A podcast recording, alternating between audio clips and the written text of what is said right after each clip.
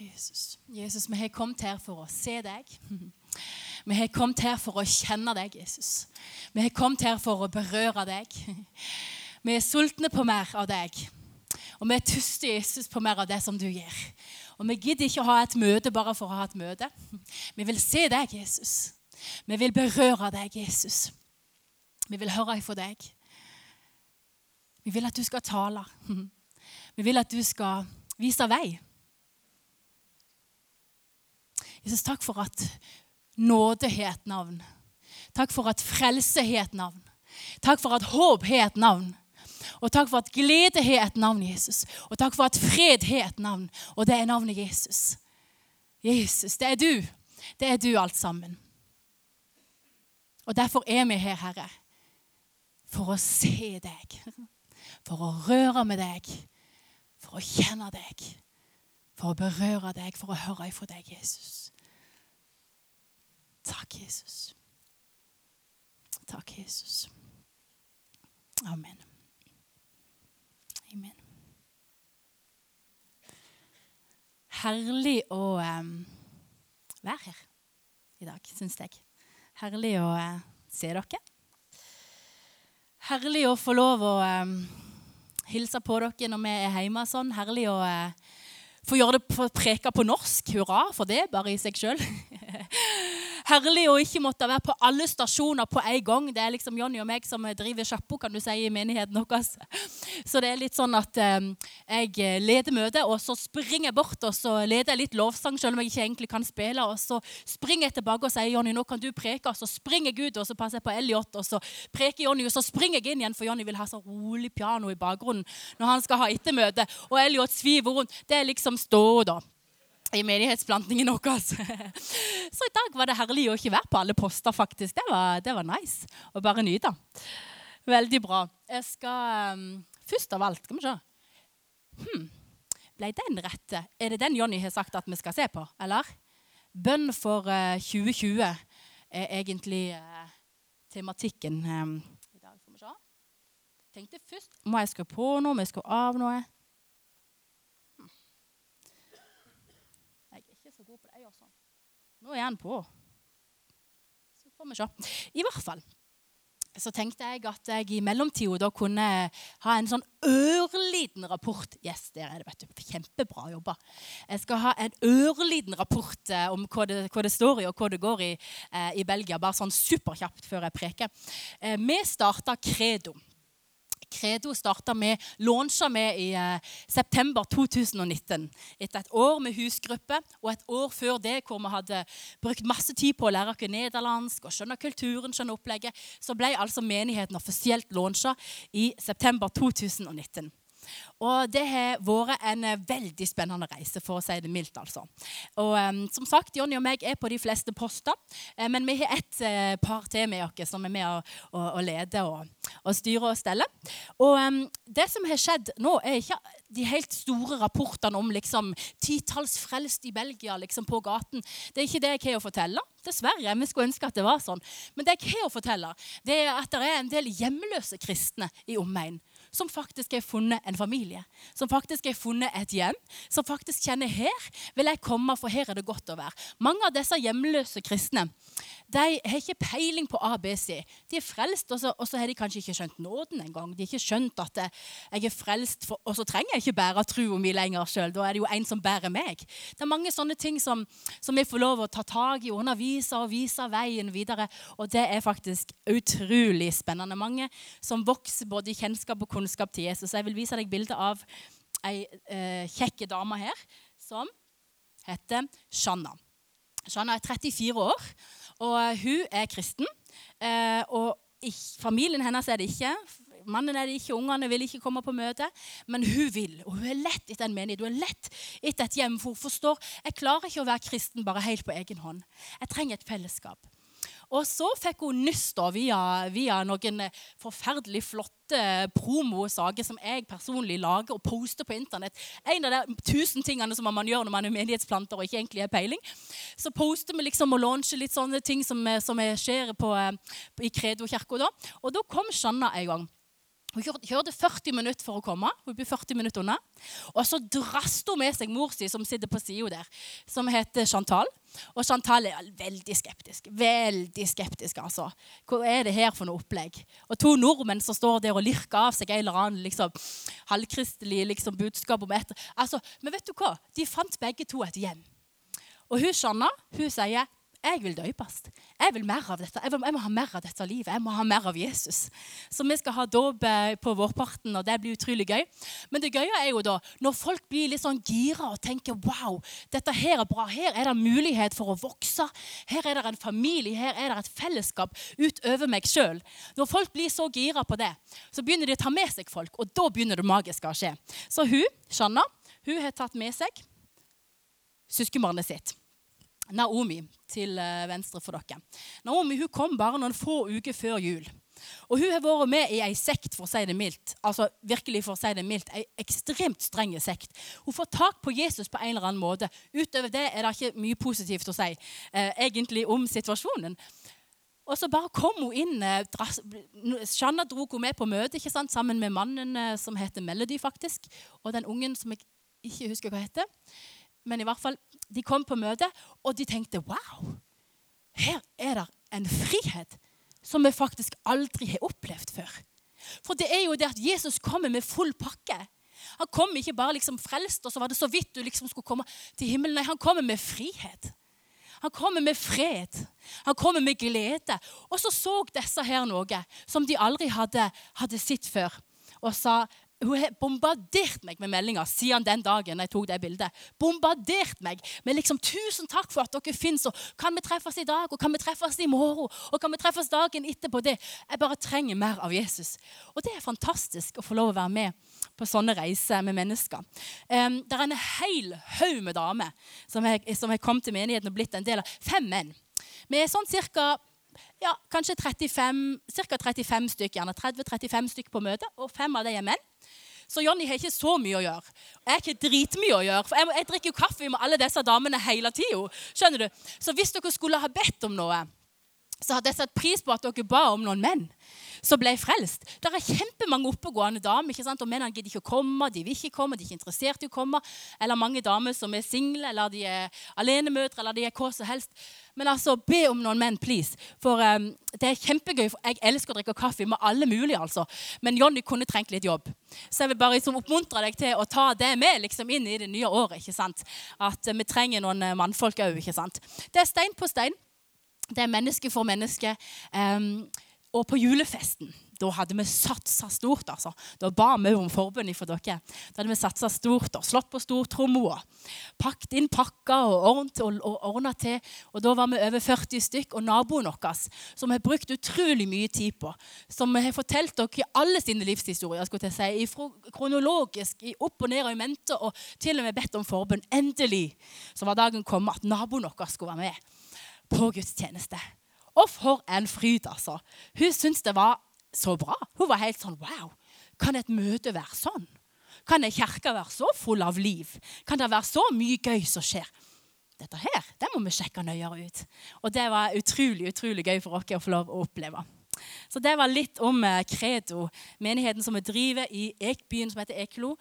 Og vi satser på at det skal spre seg, at det skal komme mange oppegående ledere ut av alle disse damene, og forhåpentligvis de mennene som dere skal be fram etter hvert, og at de kan ta det videre til by etter by etter by.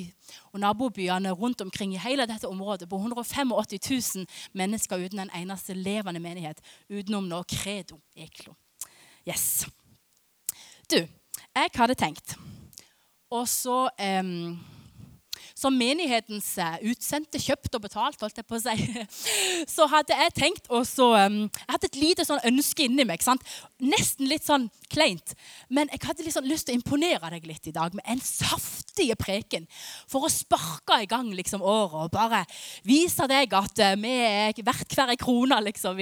Jeg hadde så lyst til å, å bare være litt sånn kreativ sant? og bare legge lista der. At wow, for, liksom, for noen åpenbaringer. De studerer ordet virkelig. de her utsendte. liksom, og, Så du skulle bare kjenne at ja, det her, her er rett folk på rett plass. ikke sant? Og så, og så er det ikke det jeg skal gi deg i det hele tatt. Jeg skal rett og slett bare dele et helt enkelt eh, evangelisk budskap om Jesus. jeg. Det var det som kom, og det er det som, eh, som jeg vil gi. Og det er ikke fancy verken i, i tittel eller i, i, innhold på noe vis. Men hva er bedre enn å sette fokuset for 2020? Bare, bare å snakke sammen om Jesus. Hva er egentlig bedre enn det? Ribba for uh, all staffasje og all innpakning. Så min bønn for 2020, det er gi meg Jesus. Det er min bønn, og det håper jeg er din bønn òg for 2020. Gi meg Jesus. Jeg eh, har holdt på å eh, studere 1. Johannes brev. Og det er et utrolig spennende brev, egentlig. Og Bakteppet for det brevet har jeg lyst til å bare fortelle deg litt, sånn at jeg skal få vise at jeg virkelig studerer Bibelen. Det er, en grunn for at jeg skal gi deg det bakteppet. Men først så skal vi lese fra 1. Johannes brev, eh, kapittel 1 og vers um, 1-3. Og du vet, disse her som skriver eh, Det nye testamentet, de har ikke tid til å sette punktum og ikke tid til å puste i gang. Så vi får se om vi kommer ikke gjennom det. Men um, 1. Johannes 1, 1-3, der står det Det som var fra begynnelsen. Altså han, altså Jesus. Han som var fra begynnelsen. Det vi har hørt Det kan Johannes si. Han har hørt Jesus. Det vi har sett med våre øyne. Det kunne Johannes si, en del av disiplene. Han hadde sett det som vi betraktet og våre hender rørte ved, om livets ord. Og livet ble åpenbaret, og vi har sett det, og vitner og forkynner dere livet, det evige, som var hos Faderen og ble åpenbaret for oss. Det som vi har sett og hørt, det forkynner vi for dere. For at også dere kan ha samfunn med oss. Og vårt samfunn er med Faderen og med Hans Sønn Jesus Kristus. Har du lagt merke til mine understrekninger der? Sett, hørt, berørt. Det var ikke bare en teori Johannes kom med her i det hele tatt. Han sier vi har sett han, vi har hørt han, vi har rørt med han. Og han er det vi forkynner. Hvorfor forkynner vi det? Jo, for at vi skal alle sammen ha fellesskap. Samfunn, fellesskap med Jesus. Og fakta er at omstendighetene rundt 1. Johannes brev 1. Johannes brev sendes eh, til mange menigheter i Lilleasia, som det kalles. Og det er skrevet til kanskje andre, tredje generasjons kristne. Den der første entusiasmen, liksom den var stilna. Den første begeistringen var liksom ikke så håndpåtakelig lenger. Og, og ja, iveren var ikke like fullt glødende sånn som det var i begynnelsen. Og trua hadde kanskje for veldig mange, eh, sier, mine, sier de bøkene som jeg ikke har lest om saken, det hadde på en måte, Trua hadde blitt veldig hverdagslig. Og det er ikke noe feil med det. Men nå hadde det òg kanskje blitt litt lunken. Hun hadde kanskje òg blitt litt sånn hovedkunnskap mer enn hjertet, mer enn et pulserende, levende forhold. Det blitt teoretisk for mange av de som Johannes skriver til. Undringen og begeistringen, pasjonen, kjærligheten, entusiasmen, den hadde falma hos veldig mange. Konsekvensen av det er at det er noen eh, folk som hadde tilhørt menigheten, men som ikke var lenger en del av det der indre, pulserende livet. De var veldig innflytelsesrike og kalte seg for profeter. Liksom. De hadde begynt å justere litt på ting. De hadde, de hadde prøvd å endre litt på troa, sånn at det skulle være litt mer spiselig for folk flest. For samtida. De hadde prøvd å på en måte tilpasse, forbedre, gjøre han litt mer sånn intellektuell, gjøre han litt mer respektabel. Og så må Johannes da bruker all sin apostoliske tyngde for å, for å på en måte si at den største trusselen for denne menigheten og for disse menighetene, og kanskje òg en trussel for oss i dag, det var ikke forfølgelse utenifra. Det var ikke alle de som, som, som, kom og ville stenge ned menigheten. Det var ikke alle de som kom og, og på en måte ville eh, sparke folk og slå dem og steine. Det var ikke det største problemet da sier Johannes. Det aller største og det aller mest utfordrende og det aller mest truende for denne kirka og for disse kirkene, det var faktisk forførelse innenifra. Folk som tar budskapet og gjør det rundere i kantene. Folk som tar budskapet og sier ja, det var kanskje ikke helt sånn. Forstår du? Folk som som vrir og tvister og gjør ting mer spiselig og gjør ting mer respektabelt. Og da, i denne settingen, er det at Johannes sier, vet du hva? Vi så han. Vi så Jesus. Vi rørte med han, han som var i forbegynnelsen. Han som er Gud, bare i kjød. Vi så han. Vi var i hop med han. Vi hørte han. Han som er giver av alt liv, ja, han som er livet sjøl. Vi så han. Og hele poenget med det er å si vi kan ha fellesskap med han. Det er Jesus det går i. og Derfor er min bønn for 2020 gi meg Jesus. Ikke all annen staffasje rundt. Ikke alle andre tanker og ting. Gi meg Jesus. Jeg ønsker for 2020 at vi alle sammen skal beundre Jesus. At vi alle sammen skal se han og erfare han. Og at han ikke drukner. Verken i budskapet utenifra, verken ifra forfølgelse utenifra som sier at tror du på de der eldgamle greiene. Sånn kan dere ikke gjøre det her hvis dere skal få statsstøtte. Ja, da må dere oppfylle dette. Altså, Det er mange trusler utenifra. Og så er det mange ting som kommer innenifra. Fra kristne som en gang gjerne var på og var, og var med, som sier ja, men liksom vi må være litt rundere i kantene. Liksom. Litt liberale her og litt liberale Eller kristne på en helt andre, i den helt andre grøft som sier at eh, eh, vi må oppføre oss på en viss måte for å, ha, for å, få tak på Jesus. Å ja, ja, ja, ja, det er ikke bare å komme her og komme Å nei, dette er kravene, og dette er budene, og dette er reglene, og dette er systemene. Alle disse tingene er støy. Vi må ha tak på Jesus. Og Derfor er min bønn for 2020 for meg og for dere gi meg Jesus. Det er han jeg vil ha. Jeg vil se han, jeg vil føle han, jeg vil ta på han, jeg vil kjenne han, jeg vil erfare han. Jeg vil ha fellesskap med Jesus. Gi meg Jesus i 2020. Håper det er din bønn òg etter hvert. Det er Jesus det går i alt sammen. Ja, vet du To ganger så taler Gud ifra himmelen i det nye testamentet. Bare to ganger taler Gud sånn at mennesker kan høre han. Bare to ganger. Interessant. Han sier det samme begge gangene. Han sier, 'Dette er min sønn, den elskede, han som jeg har velbehag i.' Hør han.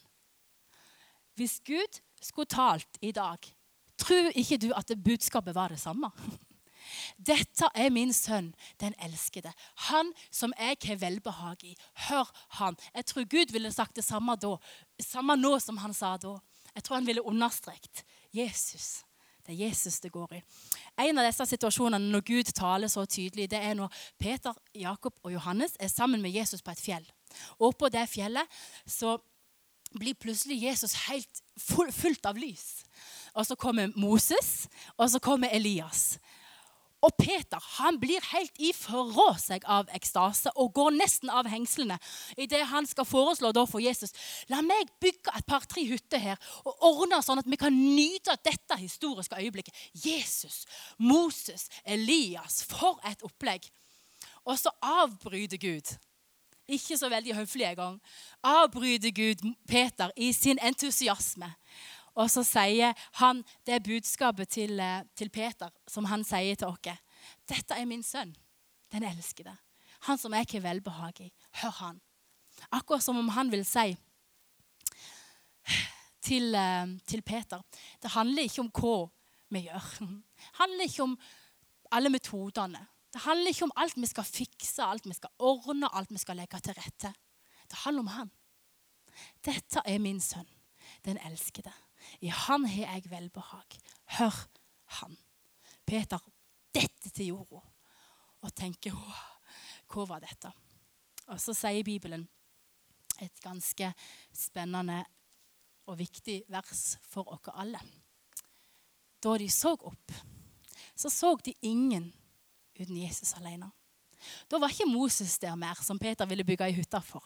Moses som representant for loven, Loven var ikke mer det sentrale. Jesus hadde oppfylt alle de budene og alle de reglene på våre vegne. Så Moses var der ikke mer. Og Elias var der heller ikke mer, som representant for profetene. For det er ingen annen mellommann nødvendig mellom Gud og mennesker mer enn menneskesønnen Jesus Kristus. Og borte var både Moses og borte var Elias. Og det eneste de så, det var Jesus. Er det det eneste som du ser når du ser opp? Er det Jesus det går i for deg? Jeg håper det. Det er min bønn for 2020. Gi meg Jesus. Bare Jesus. Åh, Jesus, han alene. Han er summen av alle Guds løfter. Er sum, Jesus er summen av alle Guds løfter. Og Jesus er substansen i alt det som Gud vil si. Derfor er det min bønn for 2020. Gi meg Jesus. Det er det jeg trenger. Nåde har et navn. Fred har et navn. Frelse har et navn. Hvor mye ville ikke folk i denne verden betalt for litt fred i hjertet? Hvor mye ville ikke folk betalt for glede? Som du bare knapp, så kunne du skru på en knapp, og så, og så funka det. Glede har et navn. Hans navn er Jesus. Fred har et navn, og hans navn er Jesus. Frelse, nåde, har et navn, og det navnet er Jesus. Han er utilgjengelig 24-7. Gi meg Jesus. I eh, Johannes kapittel 12 så um, har vennene til Jesus holdt en fest for ham. Og så eh, kommer Maria inn der, og så uh, har hun en ekstremt uh, kostbar olje eller salve. Og Så knuser hun den, og så heller han over føttene til Jesus. Og kassereren i gruppa holder på å gå av hengslene, han òg. For han tenker Tenk på alle de fattige vi kunne ha hjulpet. Og egentlig har han jo sikkert rett i det. Det er jo et godt forslag å bruke alle disse pengene som den kostbare oljen var. Og da, da snakker vi ikke bare som en sånn nilleopplegg. Altså, det var skikkelig, det var liksom årslønnverdi på den salven. Og kassereren han tenkte det er klart at det, Tenk på alle de fattige. Og det er egentlig så sant som det er sagt. Klart vi skal hjelpe de fattige. Men Jesus han, han fokuserer på Maria i det øyeblikket. Så sier han Maria gjør noe rett her. Når Maria velger å tilbe meg. Og det tenker jeg på for vår del òg. Det er mange ting som er en god idé. Det er mange ting som er lurt å gjøre. Det er mange fornuftige, logiske forslag. Det er mange ting som er presserende å foreta seg. Men Maria hun gjør noe rett når hun sier 'jeg sløser vekk' i hermetegn, dette på Jesus. Jeg vil tilbe han. Og Jeg sier ikke at vi ikke skal hjelpe de fattige, men jeg sier det er noe som er viktigere.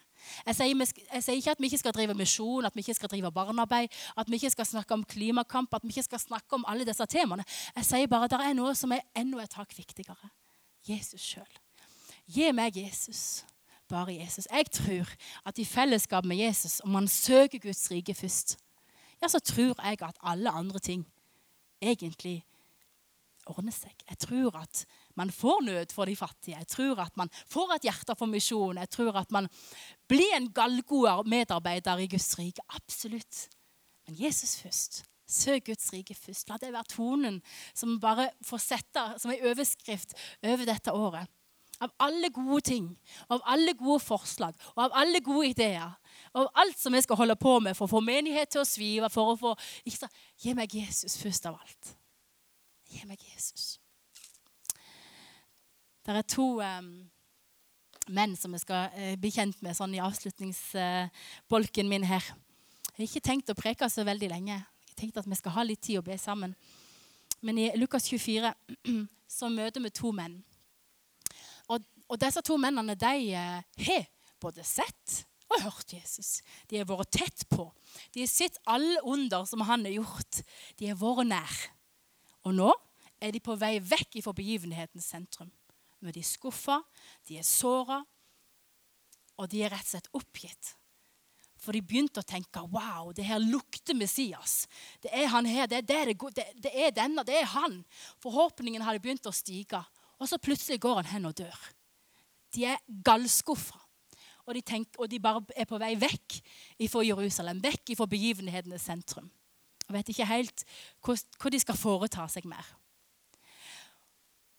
Og da, hva er, som, hva er, det som, helbreder deres hjerter? Hva er det som gjenoppretter deres, eh, ja, deres livsmot, egentlig? Det er ikke at det er noen dame som forteller at det, han lever jo faktisk. Det er ikke det som hjelper dem. De blir bare mer frustrert av det vitnesbyrdet der. Det er ikke fortellingene om at noen har sett noen engler og sjo hei. Det hjalp de heller ikke. Faktisk så sier Lukas 24, 24 at Jesus sjøl går sammen med disse to mennene et lite stykke. Og så sier de at han legger ut Skriften og viser dem. Men til og med ikke et verdens beste bibelstudie med Jesus sjøl hjelper disse mennene helt skikkelig.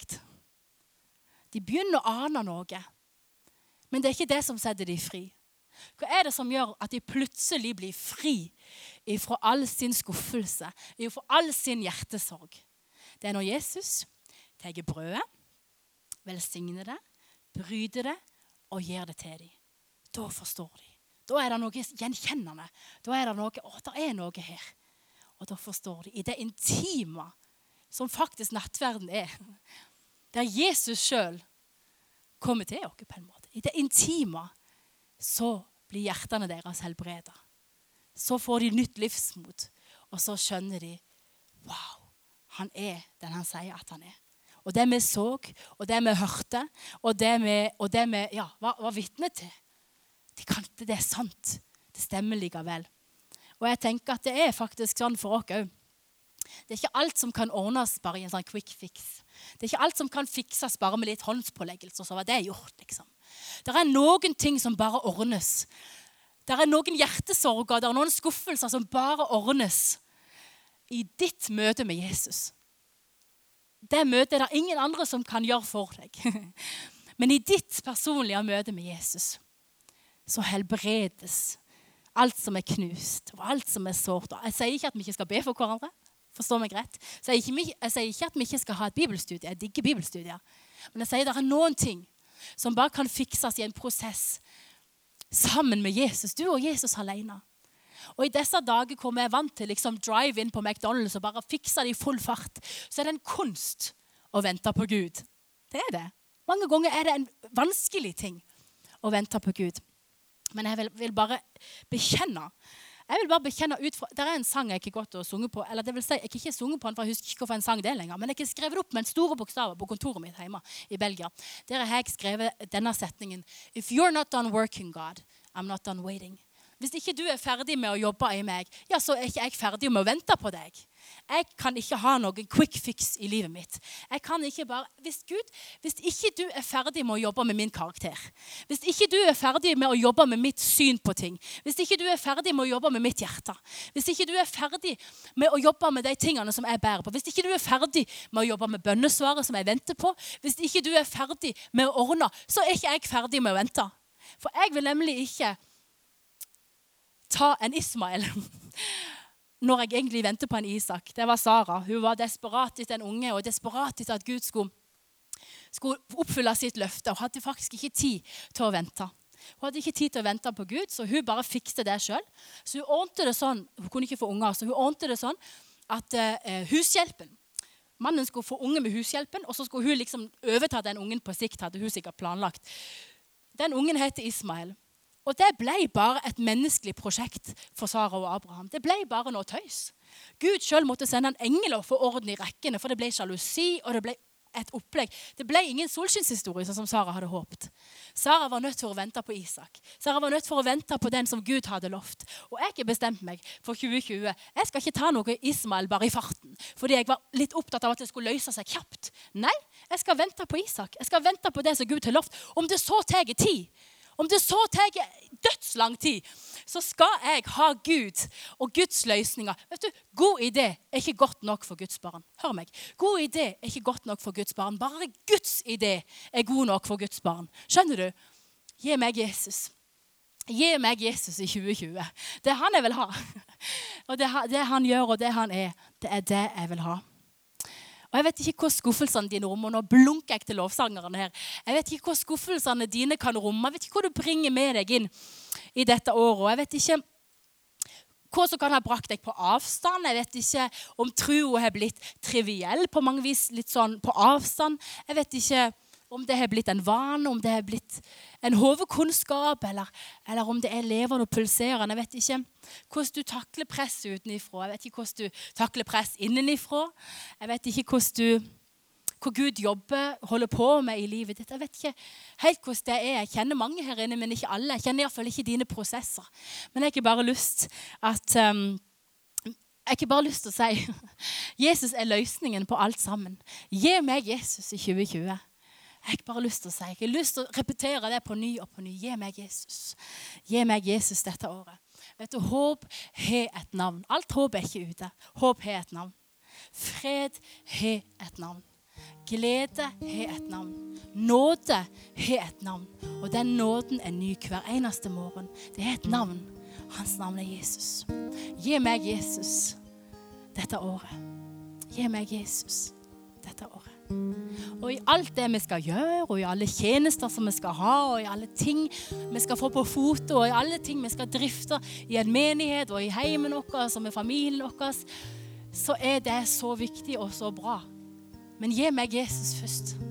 Gi meg Jesus først. For i han ligger den kraften som vi trenger. I han ligger den visdommen som vi trenger. I han ligger det som du behøver for 2020. Gi meg Jesus. Derfor har jeg lyst at vi skal reise oss opp sammen. Og så skal vi bare si det til Jesus, at jeg er kommet for å se deg. Jeg er ikke kommet for å høre deg, Jesus. Jeg er ikke kommet for å kjenne deg. Jeg er ikke kommet her for å berøre deg på dette første møtet i 2020. Jeg er kommet for deg. Jeg er ikke kommet for fellesskap med andre, men jeg er kommet for deg. Jeg er kommet for å synge lovsang sammen med de hellige, men jeg er kommet først av alt for deg. Jeg er kommet for å ta del i nattverd, men jeg er kommet for å se deg, Jesus. Teorier er uinteressante. Andres vitnesbyrd er kanskje fint, men det er ikke det jeg trenger mest av alt. Det er ikke godt nok. Jesus, jeg vil se deg. Jesus, jeg er sulten. Jesus, jeg er tust på mer av deg.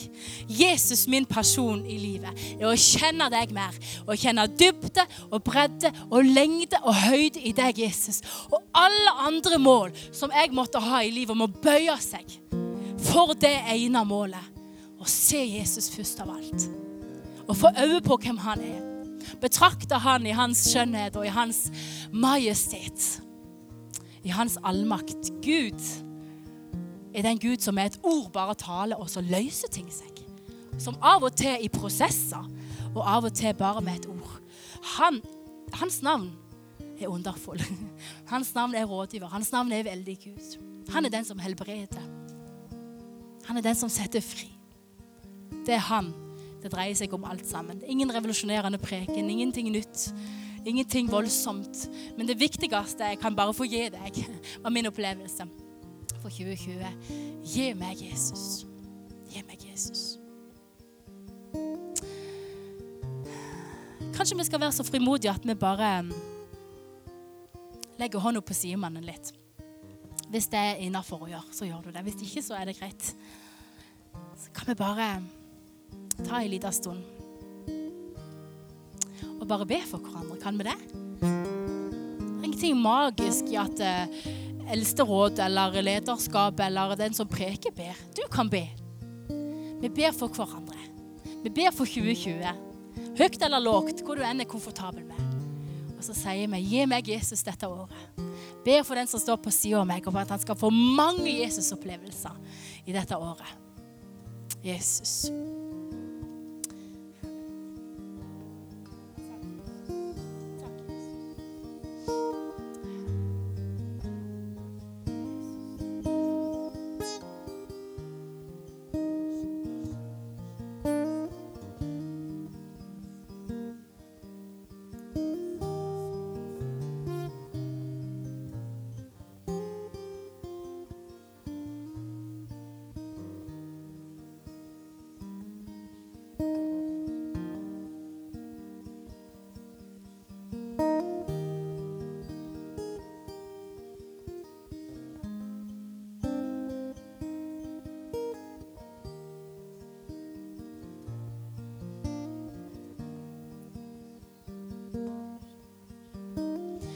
Mens vi står sånn, så har jeg bare lyst til at Jeg lar aldri et møte gå uten at jeg får spørre dette spørsmålet. Om at hvis det er noen mennesker her inne som, som ikke er kobla med Jesus, som ikke, som ikke kjenner han, som er kommet på avstand kanskje Jeg vil aldri la dere gå et møte uten at du skal få muligheten for å, å si Jesus, kom inn i mitt liv. La meg begynne dette året med deg. Så mens vi bare lukker øynene, og folk kan fortsette å be, det er helt greit. Men, men, jeg vil bare spørre deg, hvis du er her og sier jeg, jeg kjenner ikke Jesus på den måten. Jeg har ikke kommet nær på den måten. Jeg har, har hørt om han, jeg har betraktet han på avstand, men jeg har aldri, jeg har aldri hørt og sett og rørt med han på den måten. Jeg vil det for dette året. Jeg vil det. Jeg vil den begynnelsen. Eller du sier at jeg har kommet helt på avstand og jeg trenger å connecte på ny ja, da har jeg lyst til å be for deg. Så mens dere bare lukker øynene alle sammen i respekt for naboen og for dette øyeblikket, så vil jeg bare spørre, hvis du er her og som, og som sier jeg, jeg, jeg, jeg, kjenner han ikke egentlig. Kanskje du har gått i menigheten lenge, men du har ikke helt fått den anledningen. Du har ikke helt tatt det skrittet. Ja, Da har jeg lyst til å spørre deg. Er du her som sier 'be for meg, for jeg må koble med Jesus' på nytt? Eller, eller for første gang, eller, eller på ny? Så rekker du bare opp i hånden. Ingen som skal se på deg, men jeg har bare lyst til å se hvem er, hvem er deg jeg kan be for i dag. Hvis du er i den kategorien. Jeg trenger Jesus. Så vil jeg se hånda di, så skal jeg være med og be. Jesus. Takker deg, Jesus. Takker deg, Jesus. Jeg takker deg, Jesus, for at du er så endelig god, Herre. Takker deg at du er til stede, enten vi føler det eller ikke, Herre. Jeg takker deg, Gud, for at du rører med mennesker på en helt spesiell måte, Gud. Jeg takker deg, Herre, i Jesu Kristi navn, Herre, for at du er ny, nye begynnelser. Du begynner på ny, Herre. Du skriver nye kapitler med alle oss som er her inne, Gud. Du er raus med din nåde. Du er raus med nye begynnelser, Jesus. Du er raus med din fred. Du er raus med din glede. Jesus, jeg ber deg utover denne menigheten. Din raushet, Gud. Din nåde, Herre. Din miskunnhet, din barmhjertighet. Din fred, Gud. Din glede, Herre. Takk at du setter folk fri, Herre. Som sitter fast i et eller annet, Herre. Takk at du setter folk fri. Takk at du helbreder. Takk at du bar all verdens synd og all verdens sykdom på deg. Og du helbreder, Herre. Du er raus med din helbredelse. Du er raus med å berøre folk. Du er raus med din Hellige Ånd. Er det noe vi trenger, Jesus, i 2020, så er det Den hellige ånds kraft. Og du er raus med din Hellige Ånd, Herre. Jeg takker deg, Jesus. Takk for din berøring, Herre. Takk for din berøring, Gud. I vårt innerste, Herre. Gi meg Jesus. Gi meg Jesus. Gi meg Jesus. Herre. Jeg tror vi skal synge litt sammen, og så vet jeg at Arild og Nina er her og er forbedere. Og kjenner du at det er noe i budskapet har berørt deg, eller det er helt andre ting som du står og bærer på, som du kunne bare trengt at noen var med og ba for, så feel free. Vi er en familie her inne, og vi skal føle oss helt frie til bare å komme sånn som vi er, med det vi har, lite eller stort. Du kan tenke at det er kleint, og du kan tenke at det her er puslete. Jeg vil ikke si det til noen. Vet du hva? Ta denne anledningen som første møte i 2020 til bare å slippe det der grumset som ligger. Til bare å slippe de vanskelighetene, til bare å slippe de tingene som du går og tenker på. Og bare gi det til Gud og få hjelp av folk til å bli bedt for.